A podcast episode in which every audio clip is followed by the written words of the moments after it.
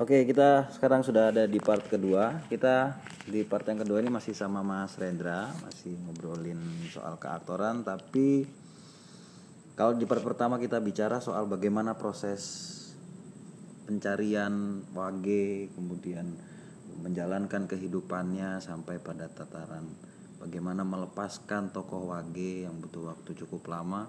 Sekarang kita akan ngebahas soal bagaimana cara Mas Rendra beradaptasi dari panggung ke sinema. Karena kita tahu bahwa Mas Rendra itu berangkat dari panggung. E, bahkan sejauh yang kami tahu Wage adalah film pertama Mas Rendra yang jadi tokoh utama mungkin.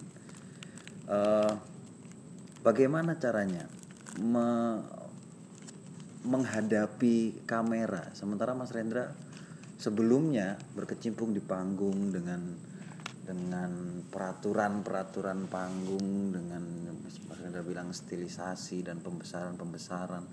Bagaimana cara Mas Rendra masuk ke dunia yang baru meskipun masih dalam ruang lingkup keaktoran tapi masuk dalam media yang baru? Apa yang Mas Rendra lakukan untuk untuk menghadapi dunia yang baru ini. Sementara kita lihat kayak tidak berbekas panggung itu dalam permainan Mas Rendra di Wage. Apa yang yang jadi latihan Mas Rendra? Apa yang Mas Rendra lakukan? Waktu itu coachnya kebetulan juga dapat coach yang bagus sih, yang juga cukup apa namanya, cukup mumpuni lah kalau ngomongin soal realisme gitu karena beliau begitu dekat dengan Pak Ombing Wahyu Si Hombing jadi hmm. juga pernah jadi pengampu di apa salah satu sekolah seni di Jakarta jadi paling tidak beliau agak sedikit paham soal pergerakan realisme waktu itu dan bagaimana apa namanya uh, teknik-teknik yang bisa digunakan untuk membuat atau membangun karakter tokoh lebih uh, real lebih nyata gitu. Ya aku nggak bilang bahwa di panggung itu nggak nyata ya. Di, tokoh di, di panggung juga hampir sama nggak nggak nggak apa perbedaannya sebenarnya nggak begitu signifikan sih. Hanya saja kalau misalnya secara praktik gitu di kamera kita jauh dimudahkan dengan alat bantu artinya kita bisa bisa bisa mengucapkan emosi yang dalam tidak harus dengan ber, bersuara yang kencang gitu kan. Karena memang seharian kadang-kadang untuk mengucap untuk mengucapkan satu kalimat dalam kondisi yang kondisi emosi yang dalam atau emosi yang tinggi atau itu kan nggak selalu juga bisa keras kan. Hmm. kadang-kadang ya pelan. Ini ngomongin teknis sebenarnya. Karena kalau di panggung nggak kecil kemungkinan kita bisa mengucapkan emosi-emosi yang semacam itu tanpa alat bantu gitu. soal proyeksi nah, proyeksi itu kan ya banyak orang tahu lah kalau main panggung itu kita harus berusaha menyampaikan sedetail mungkin sejelas mungkin pada pada penonton. Kalau di kamera kita hanya menyampaikan sejelas mungkin sedetail mungkin tapi dimudahkan dengan alat bantu. Hmm ya alat bantu itu sendiri butuh butuh latihan butuh controlling. Kadang kalau misalnya kita latihan gitu kan di panggung ini konteksnya masih panggung. Terus kita dipasang clip on alat bantu gitu. Misalnya dia semacam wireless atau apa yang dipasang pengeras pengeras suara mic yang fungsinya untuk membantu suara kita bisa sampai. Itu juga butuh teknik butuh latihan. Kalau enggak frekuensinya istilahnya kalau nggak latihan ya dia akan terus berteriak-teriak terus meskipun sudah punya alat bantu. Nah kesadaran bahwa kita dibantu dimudahkan oleh alat bantu itu membuat uh, membuatku kemudian punya takaran. Lagi-lagi kita ngomongin kontrol. Kontrol itulah yang oh sekiranya kalau misalnya aku harus dalam emosi tertentu misalnya katakanlah marah kalau disampaikan lewat sikap tubuh itu kan terlalu besar karena framing itu juga punya ukuran. Kalau panggung kan wide ya, gede banget ya. Nah, kalau misalnya kamera punya aturan kan, dia mau diambil medium, ekstrim atau apa namanya long shot itu punya aturan sehingga kita dari yang biasanya di panggung itu gelondongan yang cuma keluar gitu besar ini di part jadi punya kontrol. Yang dipakai yang di sini dulu ukurannya segini. Nah kalau kita terlalu besar kan juga akan nabrak framing juga. Nah kontrol itulah yang kesadaran atas atas medium apa itu ya, itu yang membuat kita bisa lebih adaptif untuk memainkan apakah ini panggung atau kamera gitu. kontrol sih. Jadi eh, katakanlah tipsnya Mas Rendra untuk bisa masuk dalam media yang lain adalah pemahaman. Akhirnya kita balik ke part yang pertama tadi Mas Rendra bilang bahwa aktor itu harus punya kesadaran mengontrol Iya. itu ya. Jadi eh, berarti tidak tidak tidak berpengaruh pada apa eh, proses pencarian tidak berpengaruh artinya misalnya di di film karena cukup eh, misalnya framingnya bisa bisa zoom sehingga proses pencariannya tidak segila atau tidak se, se sedetail yang ketika bermain di sama. Ben. Sama Ben. Gini kadang kan ada asumsi yang mengatakan bahwa ya film mah acting is not an acting is the acting itu bukan acting gitu. Aku pernah dengar gitu di salah satu produksi film itu. Ya udah men acting is not acting gitu. aku bingung aku di konteks apa dia ngomong kayak gitu meskipun aku hanya mendengarkannya gitu. Tapi aku berpikir keras soal itu. Acting is acting. Ya menurutku acting itu ya technically dia itu tata cara metodologi yang harus ditempuh lewat praktik-praktik gitu loh. Kalau misalnya acting itu bukan acting meskipun acting bukan acting itu dalam bisa dimaknai acting bukan acting literally atau acting bukan acting itu beda lagi kan? Eh, maksudku waktu uh, seseorang yang aku dengar mengucapkan kalimat itu tuh aku sempat berpikir hello kamu kegilaanmu mencari di atas panggung itu sama kegilaanmu berada di depan kamera. Bedanya begini Ben. Kalau di depan panggung kita seolah-olah sekali lagi aku bilang itu grand style. Gede banget. Seolah-olah ya ini ini dalam satu kasus ini. Aku tentu saja aku bilang dalam satu kasus. Nah kesadaranmu menggunakan grand style ini juga bisa kamu gunakan ketika yang di zoom hanya membutuhkan matamu atau membutuhkan jarimu. Kesadaran dari grand style ini kan kesadaran ruang ya kesadaran apa? Kesadaran bentuk.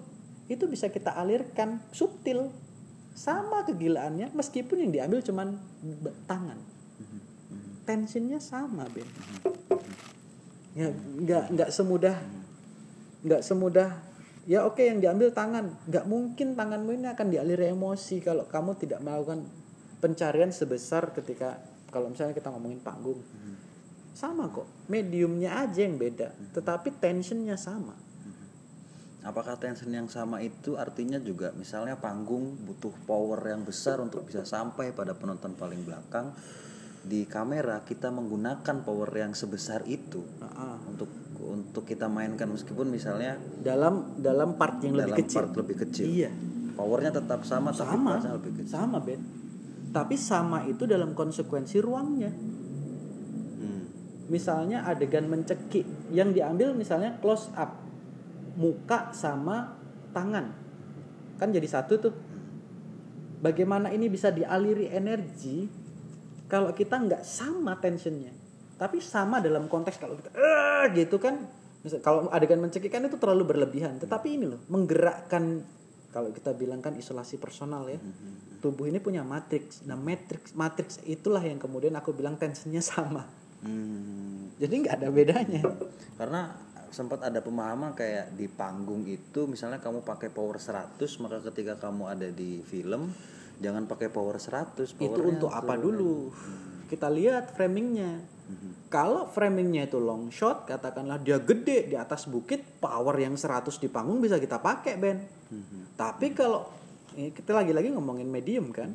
Kalau kameranya udah ngomong ini aku ambil ini cuman two shot kok. Maka yang segede itu kita kecilin. Nah itu yang susah kontrolnya. Dikecilin tapi dengan tensi yang sama, ketika gede. iya. Oke. Nah, apa apa yang Mas Rendra lakukan untuk mengecilkan itu tapi mempertahankan tensinya tetap ada di tensi yang sama? Yang pertama itu em, alasannya, motifnya harus kuat dulu. Kalau motifnya nggak dapat, kita hanya akan memindah teknik besar dan kecil. Oke. Dan technically itu. Oke. Dan teknik itu susah kalau di depan kamera nggak bisa bohong kita. Maksudnya di panggung pun juga kita nggak bisa bohong, tapi kemungkinan berbohongnya di atas panggung itu jauh punya kemungkinan yang lebih besar gitu. Karena matanya nggak seawas, nggak setajam eh, jarak apa proyeksinya gitu. Yang pertama itu yaitu aku bilang tadi. Apa aku tadi ngomong? Tensi. Iya, itu tensinya itu. Hmm.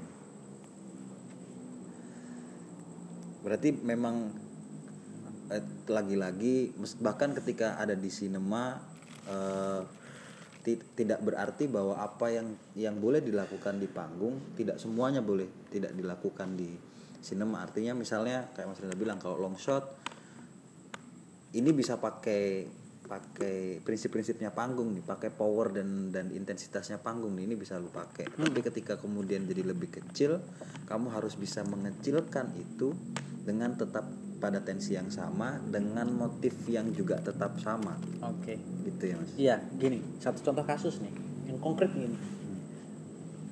Ada part yang dimainkan dalam scene itu begini. Kalian kelelahan mencari. Udah masuk hutan, kelelahan, kalian harus segera pulang karena sudah mau larut. Sudah mau larut malam gitu.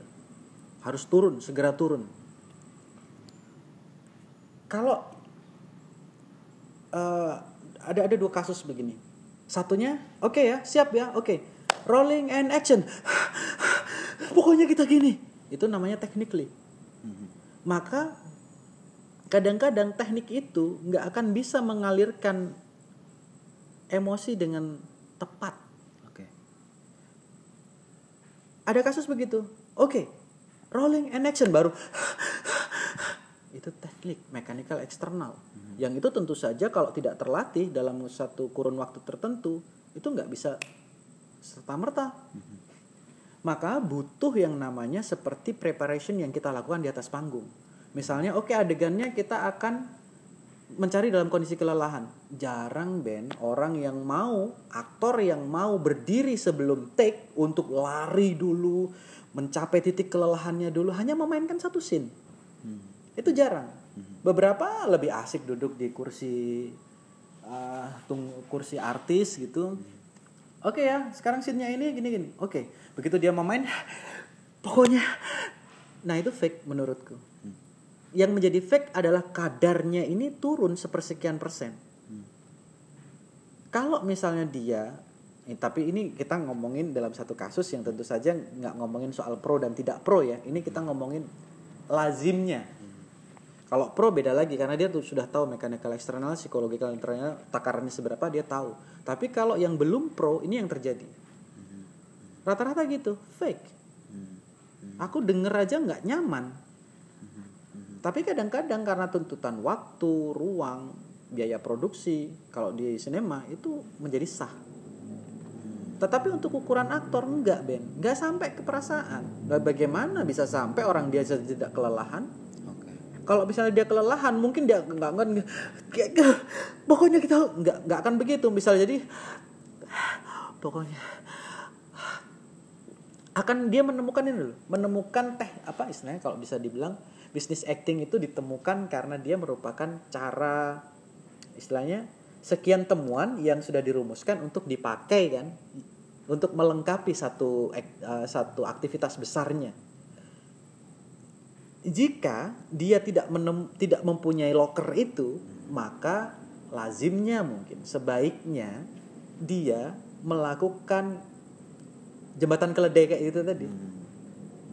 5 menit sebelum take yang entah dia lari entah dia ini entah apalah untuk bisa sampai ke, ke capek itu supaya nih supaya nih dia menemukan detail-detail yang tidak terpikirkan hanya dengan duduk dan menunggu dia dipanggil oleh sutradara. Jadi tubuh itu harus terkondisikan, makanya conditioning atas scene itu penting. Nah ini yang nggak dimiliki oleh sebagian besar orang-orang yang berada di sinema. Dugaanku begitu Ben. dugaanku karena ketika aku di lokasi syuting jarang sekali aku melihat teman-teman jarang sekali aku pernah nonton salah satu apa aktor silat kita ya Kang Cecep gitu. Aku nonton sendiri Be. waktu di salah, di syuting Gundala itu aku nonton. Sebelum take Kang Cecep itu berkeringat hanya untuk nyari gerakan loh Ben sehingga ketika take dia nggak perlu disemprot gliserin dan lain sebagainya. Ya udah itu tubuhnya dia yang lihat yang istilahnya kalau udara dingin asapnya keluar lewat pori-pori itu real. Dan itu keren menurutku. Ya itu itulah itulah bahasa gambar dan itulah kemampuan aktor untuk menjadikannya men- lebih real daripada sekedar apa istilahnya berlaku yang tidak sepenuhnya di atas panggung. Di, di, di kamera atau di atas panggung. Artinya seharusnya idealnya ada halaman nol atau ada ada preparasi yang dilakukan sebelum adegan itu. iya. Hmm, Sehingga kemudian keluarnya yang kita bilang tadi soal motivasi dan tensi keluar dengan porsi yang tepat sesuai dengan tokohnya, sesuai dengan adegannya, sesuai dengan motivasi iya kejadian. Oke. Mas Rendra lebih nyaman mana? Berada di panggung atau bermain di depan kamera? kalau ngomongin berada di pang- kalau misalnya hari ini aku akan mengatakan aku lebih nyaman di atas panggung kenapa? Karena aku hampir 20 tahun di atas panggung. Tentu saja aku menikmati sekian proses yang membuatku merasa aku nyaman berdiri di atas panggung. Kalau di kamera usia aku kan mungkin baru sekitar lima tahunan. Dan itu belum bisa menjawab karena eh, aku kan baru switching dari tokoh yang punya porsi besar ke tokoh yang porsinya kecil-kecil dan kecil-kecil itu pun juga sulit-sulit gitu sulitnya karena aku mera- kenapa aku bilang sulit karena aku melakukannya tidak serta merta Aku menggunakan kesadaranku ketika aku berada di atas panggung meskipun aku hanya melintas, aku harus mengkontrol kakiku, mengatur nafasku, taruh istilahnya putaran cinya ada di mana, sudutku harus sekian, aku harus bisa memberikan tension kepada lawan mainku. Itu aku pakai. Ya kalau aku nggak gitu, aku hanya hanya sekedar menjalankan aktivitas kan nggak menarik. Kan menurutku seni peran di dalam film meskipun aku kontrak dikasih istilahnya nominal untuk itu kan bukan hanya melulu soal itu, tapi ini juga perjalananku menemukan pengalaman-pengalaman batin atas atas tokoh-tokoh gitu loh. Ya meskipun tokoh misalnya orang bilang begini, ya lah Rendra kamu itu kan cuman nanti nongol aja terus pergi tanganmu aja terus kamu muncul di jendela. Aku cuma bilang begini, hello mas, mbak, pak, om, nggak semudah itu loh. Mungkin kalau orang lain yang tidak punya kesadaran panggung dan segala macam apa istilahnya ruam pahit manisnya itu ya mungkin dia hanya akan berdiri tetapi nilainya akan berbeda menurutku ketika berdiri dengan kesadaran dan hanya berdiri itu berbeda. Sekali lagi kita ngomongin di part yang kita di awal tadi yang pertama bahwa Rendra dalam kondisi sakit perut yang benar sakit perutnya itu raut mukanya akan berbeda. Cara ngomongnya akan berbeda proyeksi kepalanya akan berbeda. Maka sebisa mungkin menciptakan ener apa satu kondisi itu menurutku itu sampai kepada pengalaman tubuhnya jadi di satu eh, di satu produksi kemarin kasusnya itu adalah aku melihat tokoh eh, lawan mainku itu ususnya keluar. Kalau aku nggak punya memori atas usus keluar. Tetapi aku pernah melihat pemenggalan kepala dan aku nggak bisa makan sampai beberapa hari. Aku pernah punya memori perang suku. Dan itu aku panggil dalam satu waktu hanya untuk momen ngelihat usus yang terburai. Sutradaranya nggak ngomong adeganmu akan gimana. Sutradaranya hanya ngomong kamu nanti datang ke sini terus pergi ya. Gitu. Udah. Tetapi bagiku dengan kesadaran keaktoranku tentu saja ya yang masih sangat terbatas. Aku merasa satu momen itu penting untuk menjadikan aku menemukan detail itu.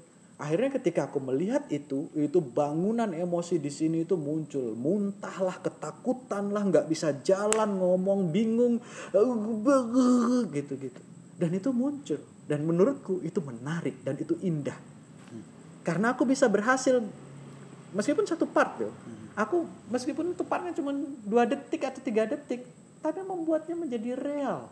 Menjadi menjadi pengalaman bersama bahwa beberapa orang mungkin ketika melihat darah dia akan muntah. Kalau aku hanya darah, oh fake.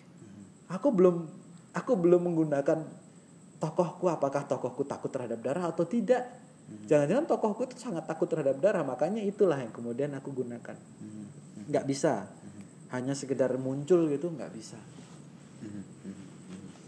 ya entah mungkin aku mempersulit diriku atau gimana tetapi tetapi ya kesadaran membentuk tokoh lahir dari sana sih. Iya, tapi ya bener apa kata Mas Rendra kan Stanislavski pernah bilang nggak ada aktor eh sorry nggak ada tokoh kecil yang ada adalah aktor kecil yang secara nggak langsung kemudian artinya ada di situ bahwa sekecil apa pun peranmu dia punya kehidupan yang harus disampaikan iya. ke penonton dia punya proses pikiran yang harus iya. disampaikan ke penonton. Ya. Uh, sebelum sebelum kita tutup part yang kedua ini aku mau nanya lagi soal Mas Rendra kan setelah Wage kemudian mendapatkan beberapa uh, project film lainnya. Apakah dan Mas Rendra bilang kalau uh, partnya tidak sebesar Wage. Apakah proses pencariannya sebesar Wage sama caranya seperti Wage, proses mendapatkan tokonya sama atau pada tiap tokoh yang Mas Rendra mainkan di proyek-proyek berikutnya itu punya perlakuan yang berbeda e, soal menghadapi tokoh. Kalau bahasaku gini Ben, kalau tokohmu minta dua, kamu nggak perlu ngasih 10 meskipun kamu punya 20 Oke. Udah itu aja. Hmm. Karena kebutuhan tokohmu itu hanya butuh ngomongin satu, kita punya nih gue punya 10 kok. Aku punya 10 ngapain cuma satu rugi dong? Kalau aku sudah bilang rugi dong kasih aja tiga lah. Ah, cuma tiga ini. Tapi tiga ini itu bersang berhubungan dengan pembesaran pembesaran istilahnya kalau kita bilang itu over itu terlalu berlebih itu tokohmu kan cuma butuh satu maka yang terjadi adalah ketika Wage meminta 20 ya aku harus kasih 20 waktu itu aku belum punya 20 ya aku harus nyari. Kalau aku punya 15 aku harus nyari uh, eh, 5 gitu untuk mendapatkan 20 kalau tokoh-tokoh yang lain porsinya hanya sepersekiannya Wage hanya butuh tiga setengah ya aku kasih tiga setengah. Meskipun aku sudah punya 20 dari Wage karena nggak bisa 20 itu kita samakan untuk memberikan porsi-porsi pada tokoh-tokoh yang kebutuhannya nggak segitu. Nggak bisa. Artinya setiap tokoh berarti punya punya perlakuan yang berbeda iya. dalam proses persiapan. Iya. Oke. Uh, begitu, Mas Rendra. Uh, terima kasih atas waktunya. Walkstop karena terima kasih karena sudah mau berbagi uh, dan untuk teman-teman yang mendengarkan mungkin jika ada pertanyaan teman-teman bisa meninggalkan pertanyaannya di kolom komentar. Dan jangan lupa juga untuk di share uh, di like dan di subscribe buat yang nonton di YouTube. Dan follow Instagram kami di aku aktor dan Instagramnya Mas Rendra di @narendra rendra Narendra Rendra oke ya nanti di IG akan kita tag dan teman-teman bisa follow dan teman-teman kalau misalnya ada pertanyaan lebih mungkin bisa nanya ke Mas Rendra lewat DM atau lewat message. Kalau ada pertanyaan-pertanyaan tentang keaktoran. Ya sejauh yang bisa dijawab ya bisa. karena kan apa kondisi aktor sendiri kayak misalnya aku kalau misalnya aku bilang aku aktor gitu hmm. hmm, ya dalam kultur kita kan agak gimana ya bisa dibilang agak malu atau tapi ya itu profesi kita sebagai aktor. Dan profesi itu fluktuatif. Kalau tidak punya intensitas untuk mengkondisikannya sebagai aktor maka dia pasti akan turun. Jadi yang bisa dijawab tentu saja kalau pertanyaan teman-teman ya yang apa namanya yang pernah aku lampaui. Kalau belum itu pasti akan menjadi apa namanya ya pertanyaan juga buatku gitu. Hmm. Ah, jadi pengen nanya lagi. Eh, di kita tuh seolah-olah banyak orang-orang yang berkecimpung dalam dunia seni peran, punya kualitas seni peran yang bagus, tapi tidak berani atau tidak mau menyebut dirinya sebagai aktor. Apakah Mas Rendra ketika bilang tadi adalah salah satu orang yang aku nggak pantas disebut aktor meskipun Mas Rendra melakukan pekerjaan secara profesional melakukan pencarian dan bahkan mungkin punya kualitas keaktoran yang baik dalam pandangan banyak orang Itu soal ini sih. Ya lingkup sosial kita ya. Kadang-kadang kan ada yang aktor itu agak peyoratif artinya orang nyinyir gitu dengan pekerjaannya atau dengan praktiknya gitu. Ah, kamu belum aktor kalau belum standar sekian gitu. Orang kan sebagian dari teman-teman kita itu punya standarisasi gitu. Ya kadang aku bilang gitu sebagai salah satu cara untuk menyindir diriku sendiri dan beberapa kawan yang masih punya asumsi atas itu tapi ini di luar di luar bahwa secara profesional kita memang aktor gitu ya itu soal ini aja lah istilahnya apa ya lelucon dalam ruang lingkup kita sebagai oke. pekerja seni gitulah Oke ya eh, terima kasih itu tadi obrolan menarik soal seni peran dengan Mas Rendra Bagus Pamungkas. Eh, film selanjutnya ada film apa aja Mas? Yang mungkin sudah bisa disebutkan atau belum ini?